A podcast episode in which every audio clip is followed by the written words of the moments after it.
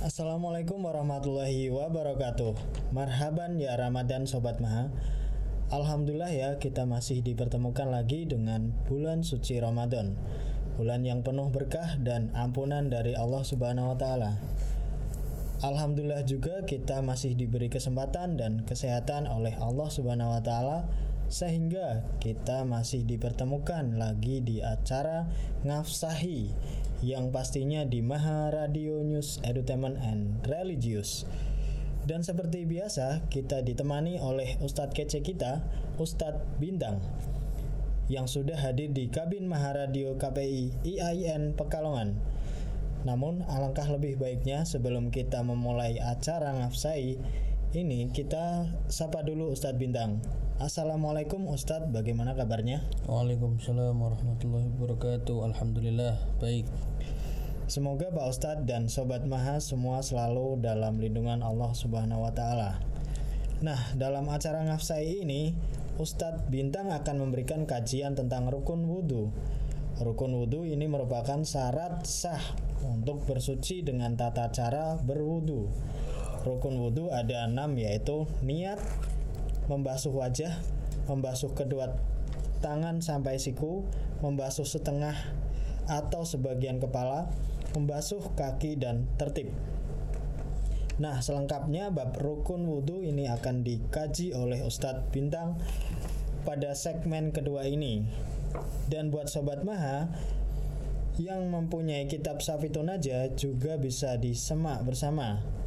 Jangan lupa buat sobat yang ingin bergabung langsung aja klik di maharadio.radio12345.com dan buat sobat Maha yang mau bertanya-tanya mengenai pokok bahasan pada episode kali ini, langsung saja bisa menghubungi kami melalui via WA atau SMS ataupun telepon pada segmen terakhir yang pastinya masih dalam nomor yang sama ya sobat Maha di 0821 3506 7697. Kami ulangi ya.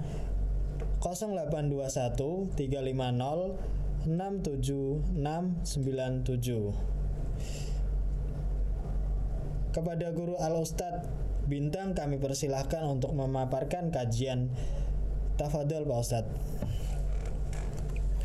Bismillahirrahmanirrahim. Qala musannif rahimahumullah wa nafa'ana bihi wa bi'ulumihi fid dharain amin. Furudul wudu'i utawi piro-piro fardune wudu. Bab menjelaskan fardu-fardunya wudu. Iku sittatun ana enam. Al awal utawi kang kaping pertama iku an niyatu niat. Asani utawi kang kaping pindo iku ghuslul wajhi basuh wajah. Asalisu utawi kang kaping telu iku ghuslul yadaini basuh tangan loro ma'al fir ma'al mirfaqaini sertane sikut loro. Ar-rabi'u tawi kang kaping papate iku mashu syai'in basuh suwiji-wiji minar roksi saking sirah Al khamisu utawi kang kaping lima iku ghuslur rijlaini basuh sikil loro ma'al ka'baini sertane polok loro. Polok niku mata kaki. Asadisu utawi kang kaping enam iku at-tartibu tartib Bab menjelaskan fardu-fardunya wudu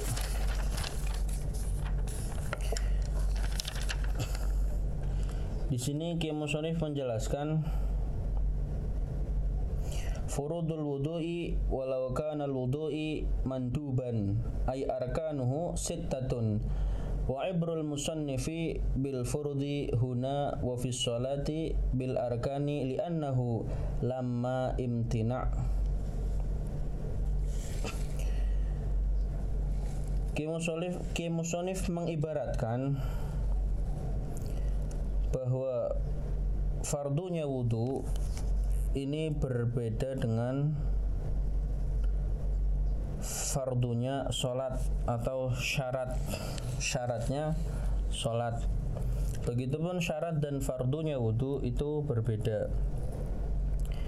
Menurut Kim Musonif syarat adalah penunjang bagi rukun atau fardu sedangkan fardu itu yang harus dilakukan menggunakan atau melalui perantara syarat.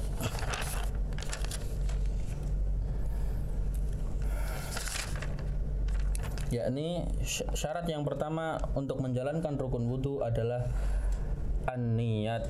Pertama niat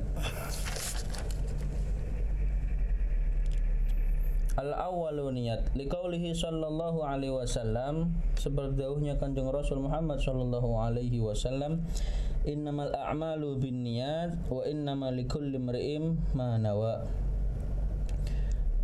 Qala al-Fushni ay innama tahassabu at-tukalifu asy-syar'iyyatu al-badaniyah aqwaliha wa af'aliha as-sadiratu minal mu'minina idza kanat biniyatin. Kata Kanjeng Rasul innamal a'malu binniyat. Segala sesuatu itu tergantung niatnya. Wa innama likum wa, wa innama likulli imri'im ma nawa. Dia akan mendapatkan apa yang dia niati. Menurut Imam Al-Fushni ay innama tahasabut ay innama tahasabu at-tak at-tukalifu asy-syar'iyyatu al-badaniyah. Menurut Imam Al-Fushni niat ini uh, asy-syar'iyyatu al-badaniyah aqwaliha wa af'aliha. Jadi syarat yang harus dilakukan oleh kita yang akan melakukan perkara atau apa yang akan kita niati. Yakni harus sesuai dengan tingkah laku dan uh, akwaliha perkataan. Asani ghuslul wajhi. Yang kedua adalah membasuh wajah. Wa huwa ma baina munabata sya'rur ra'sihi wa tah wa tahta muntaha lihayatih Yang dimaksud batasan wajah yaitu sesuatu yang dimulai dari tumbuhnya rambut sampai rahang. Yang dimaksud dengan batasan wajah yakni sesuatu dari tumbuhnya rambut sampai rahang. Rahang kanan kiri.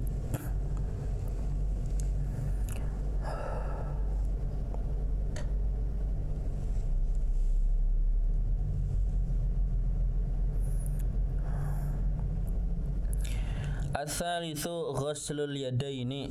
Yang ketiga adalah membasuh tangan loro Ma'al firqaini sertane sikut loro Au qadaruhuma inda faqadhuma wal ibratu bil mirfaqaini inda wujudihima.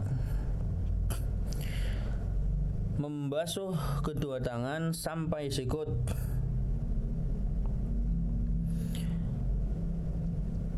ada juga yang menjelaskan membasuh kedua tangan agar sampai sikut itu bukan dari atas ke bawah tapi air diletakkan di telapak tangan lalu dialirkan ke sikut.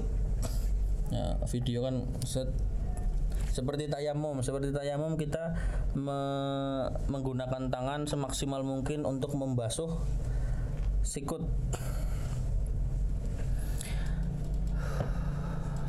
Terus yang keempat ar-rabi'u mas'u mas'u syai'in min ar-ra'si. Yang keempat adalah mas'u syai'in min ar-ra'si walau ba'dun sya'ratin aw qadaruha min al-bashari wa syartu sya'ri al-mamsuhi. Yang dimaksud dengan dengan membasuh kepala itu bukan rambut. Jadi banyak yang mungkin salah paham membasuh kepala yakni yang penting rambutnya kena. Tapi memang di sini ada syartus sya'ri al mamsuhin minimal rambutnya kena. Tapi di sini kan Kim Musonif pun menjelaskan bahwa syaratnya adalah mas au syai'in minar roksi sewiji-wiji yang ada di kepala. Jadi apa pun yang ada di kepala itu hukumnya sah walaupun kita hanya mengenai satu helai rambut. Itu bisa kita lakukan ketika sedang kekurangan air. Misal kita sedang kekurangan air, maka basuhlah yang fardu-fardu saja dalam wudhu seperti wajah, tangan sampai sikut, lalu kepala. Nah, kepala bila memang tidak ada air maka kita cukup tempel-tempel saja. Satu kali di syai'in minar roksi sesuatu yang ada di kepala apa saja rambut boleh kulit boleh. Tapi kalau banyak air disunnahkan kulit kepala ikut terkena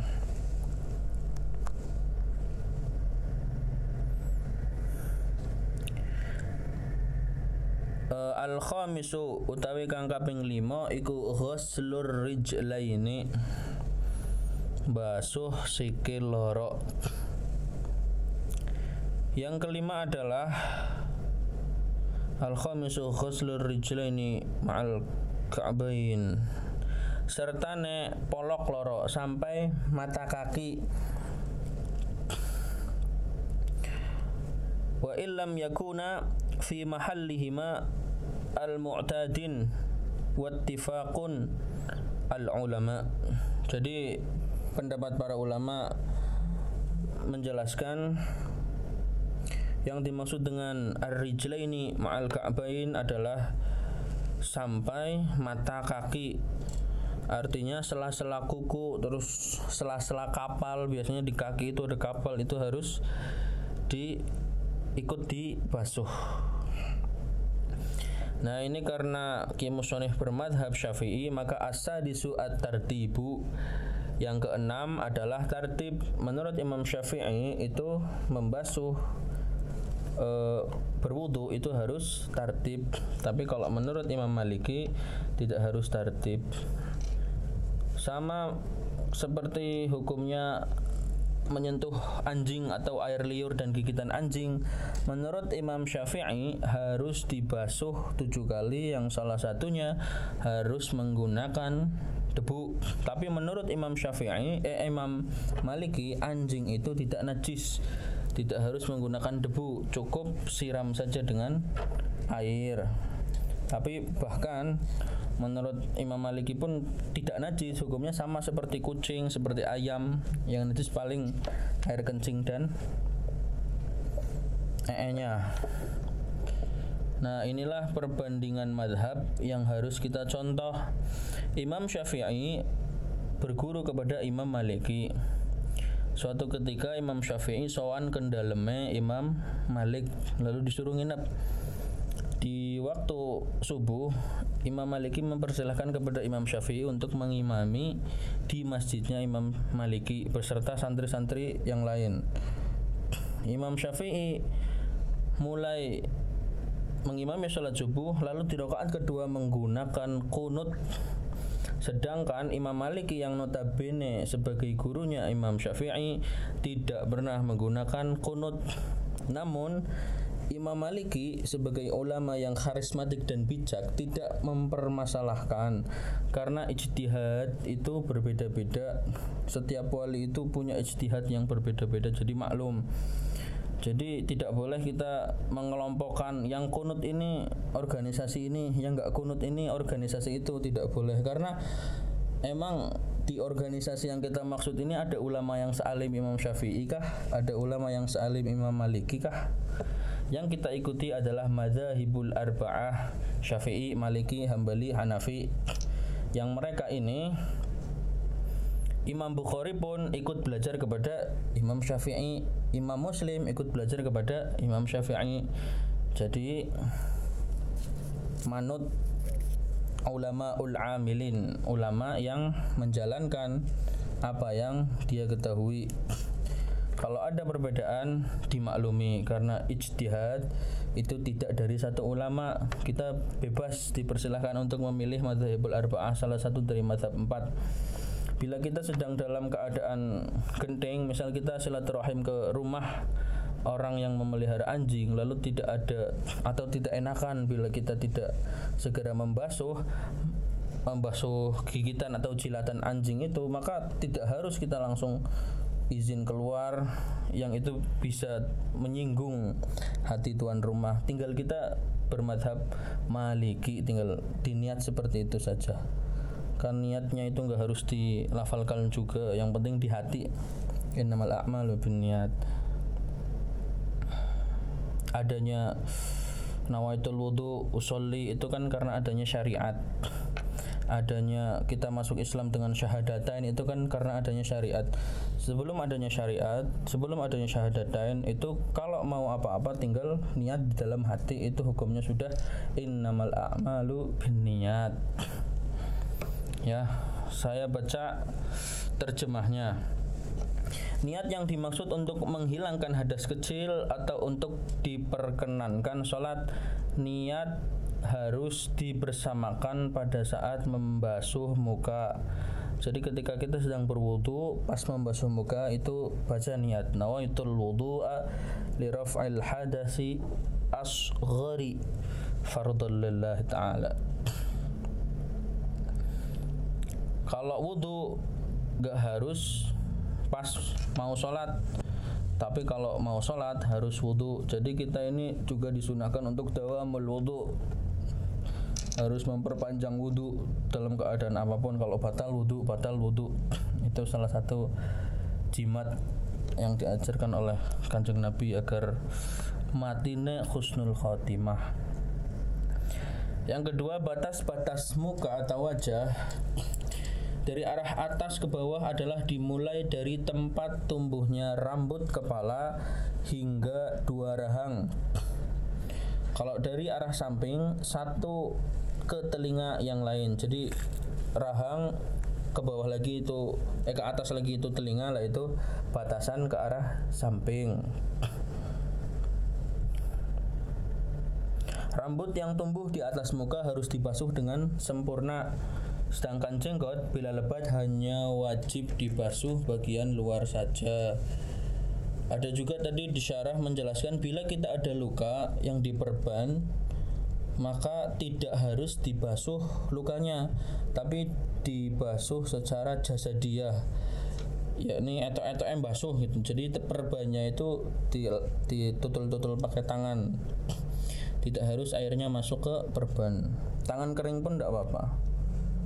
Jadi agar tidak timbul maldorot yang lebih berbahaya karena adanya luka. Lalu disunahkan uh, ini kan di kitabnya mas'u syai'in suwiji-wiji atau salah satu minar dari kepala. Tapi di syarahnya sunnahnya itu membasuh seluruh kepala. Jadi rambutnya kulit kepalanya sunnahnya dibasuh semua. Lalu selesai berwudu baca doa sesudah wudu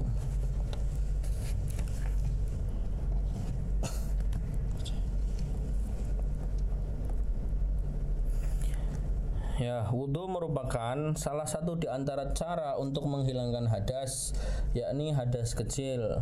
Wudhu biasanya dilakukan sebelum ibadah yang mengharuskan adanya kebersihan dan kesucian dari hadas kecil bagi orang yang melakukan, melakukan ibadah tersebut seperti contoh sholat.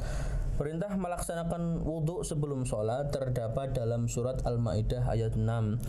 Bismillahirrahmanirrahim ya ayyuhalladzina na'amanu idza idza qumtum ila sholati faghsilu wujuhakum wa aydikum ilal marafiqi wamsahu bi ru'usikum wa, wa arjulu wa arjulukum ilal ka'bain wahai orang-orang yang beriman apabila kamu hendak melaksanakan sholat maka basuhlah wajahmu dan tanganmu sampai ke siku dan usaplah kepalamu lalu basuh kedua kakimu sampai ke kedua mata kaki Dengan adanya ayat tersebut, Fakhruddin Ar-Razi dalam Mafatihul Ghaibnya atau yang biasa kita singkat menjadi Miftahul Ghaib mengatakan bahwa perintah sholat sangat berkaitan erat dengan wudhu.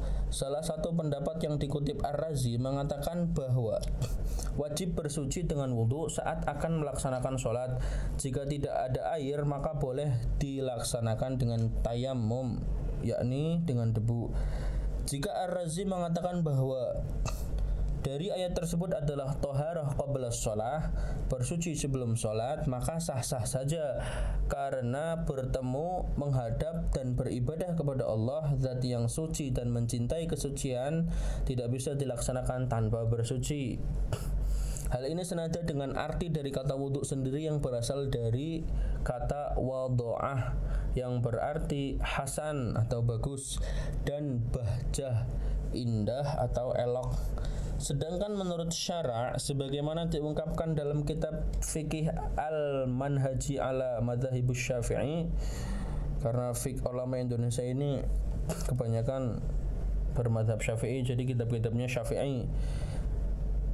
Uh, ismun li fi'lil ladzi huwa isti'malul ma'i fi a'dha'i muayyanatun ma'an sebuah nama untuk menunjukkan pekerjaan yang berupa menggunakan air pada anggota-anggota badan tertentu disertai dengan niat.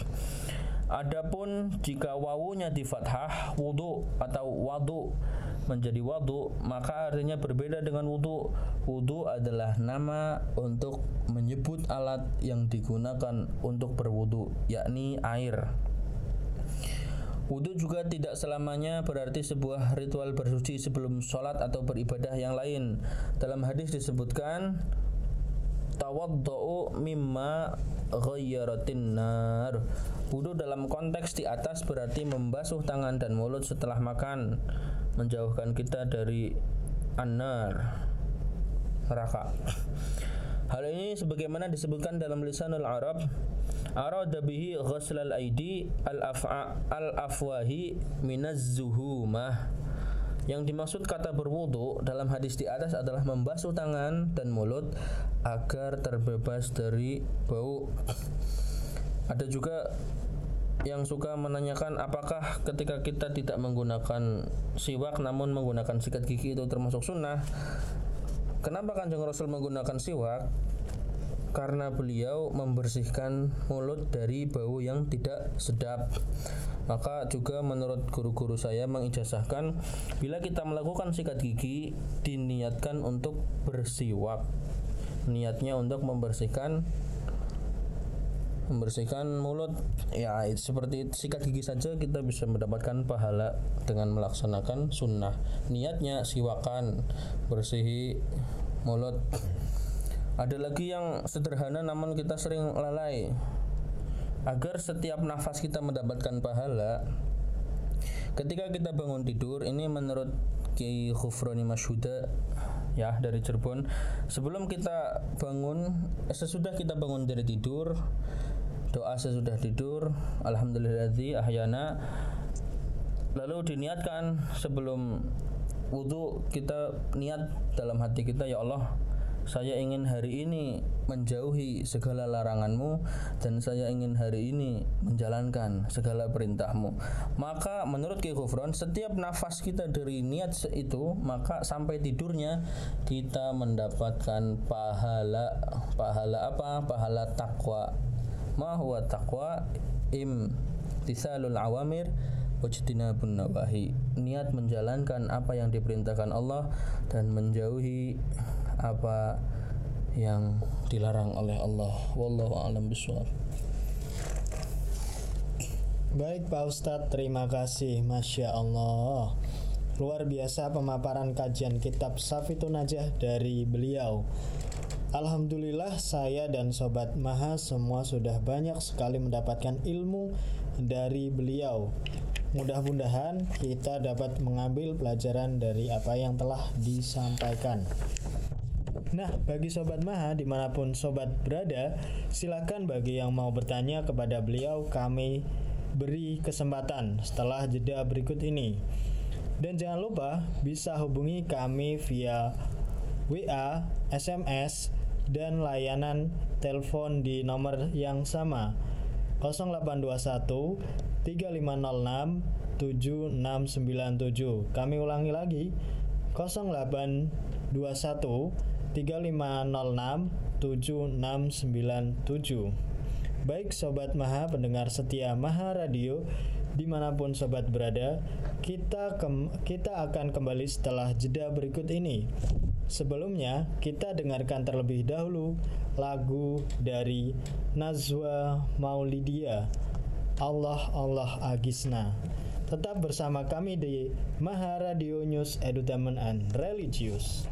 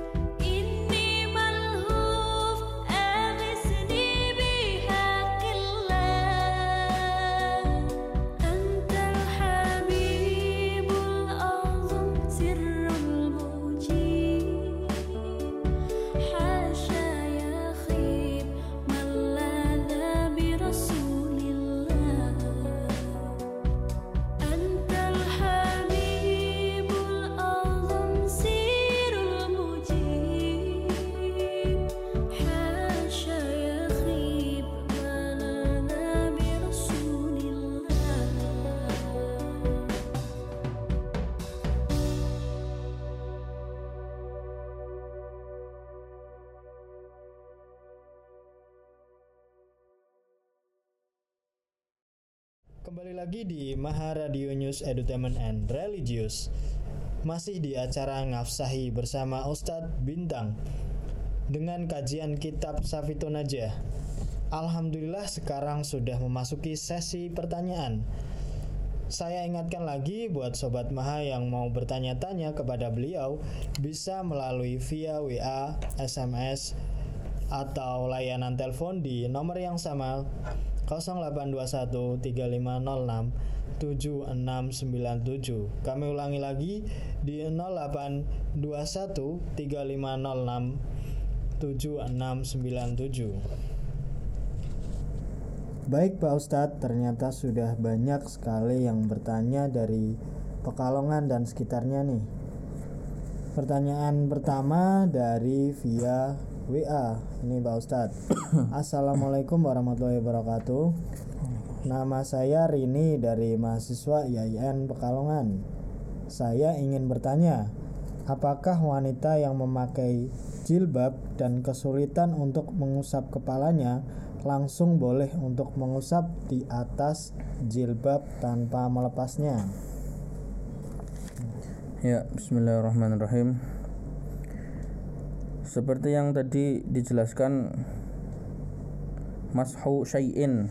Jadi mayoritas ulama madhab Hanafi, Maliki dan Syafi'i itu mengatakan muslimah tidak boleh sekedar mengusap atas kerudungnya tanpa mengusap atau membasahi rambut atau sebagian dari kepalanya secara langsung yakni kulit kulit kepala namun menurut ulama madhab maliki jika kerudung di atas kepala itu tipis sehingga air dapat menembus rambut saat si wanita mengusap bagian atas di kerudungnya maka wudhunya tetap sah. Maka kembali lagi ke kimusonif yang bermadhab syafi'i bahwa eh, mas'u minar roksi yang penting salah satu atau beberapa helai rambut dari bagian atau salah satu dari bagian kepalamu itu ikut terkena air agar wudhunya tetap sah.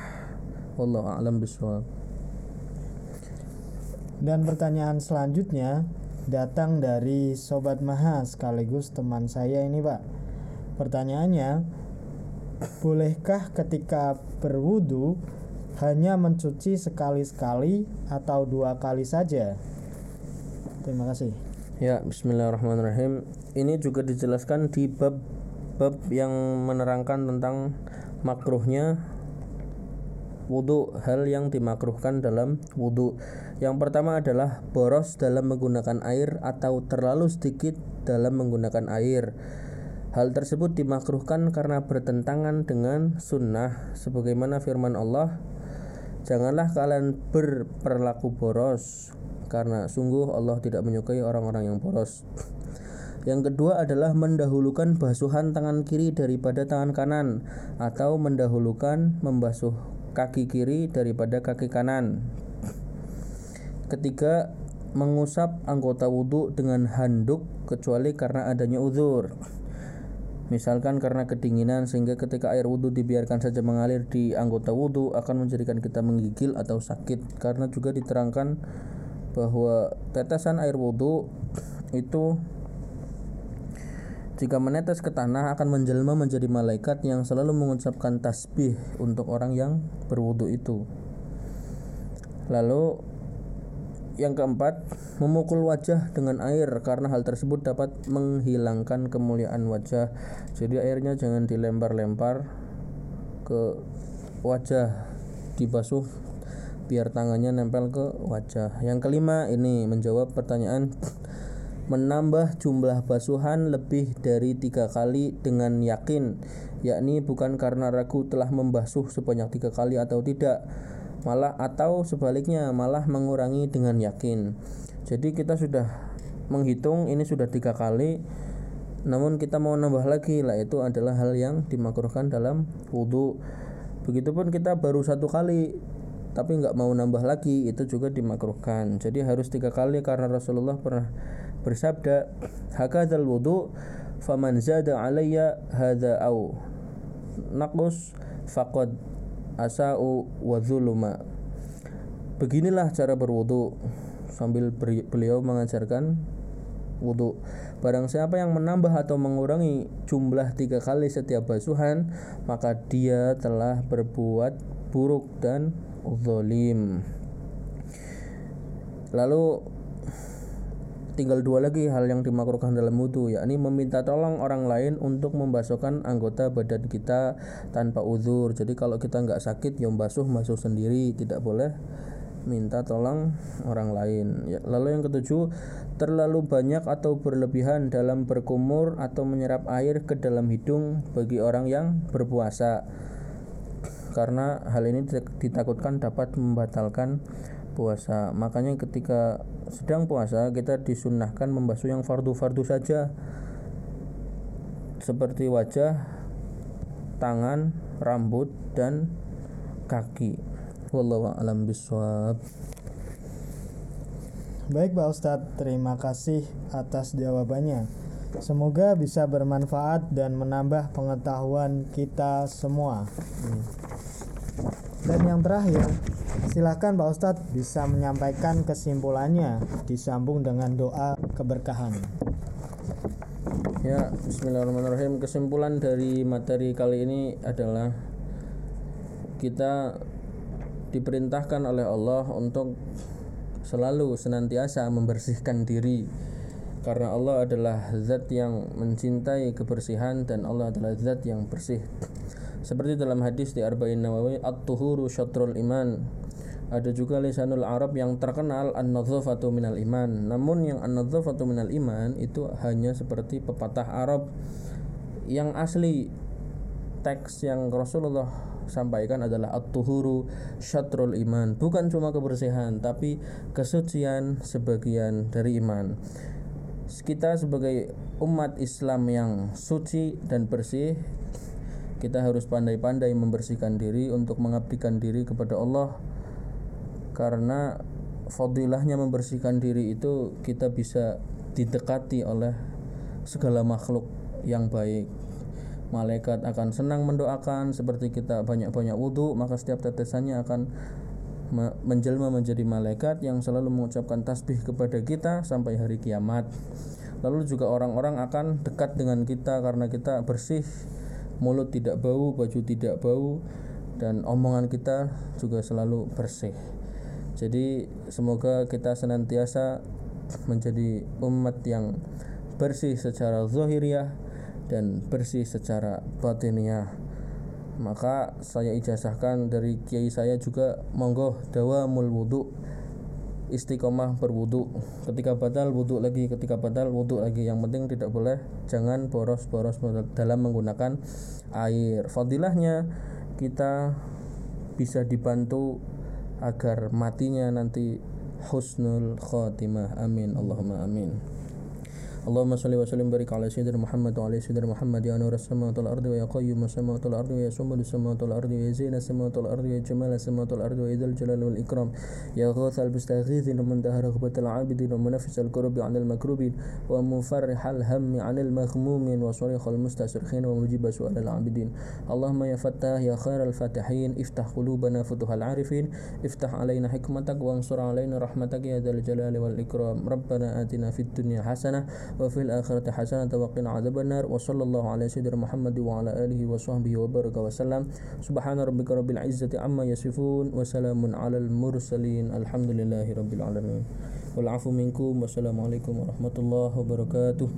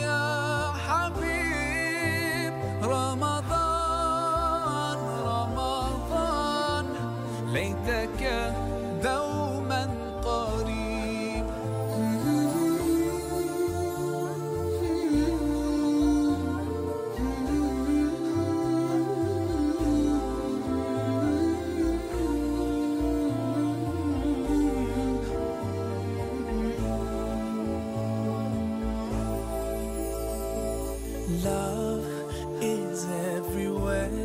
So much peace fills up the air. Ramadan.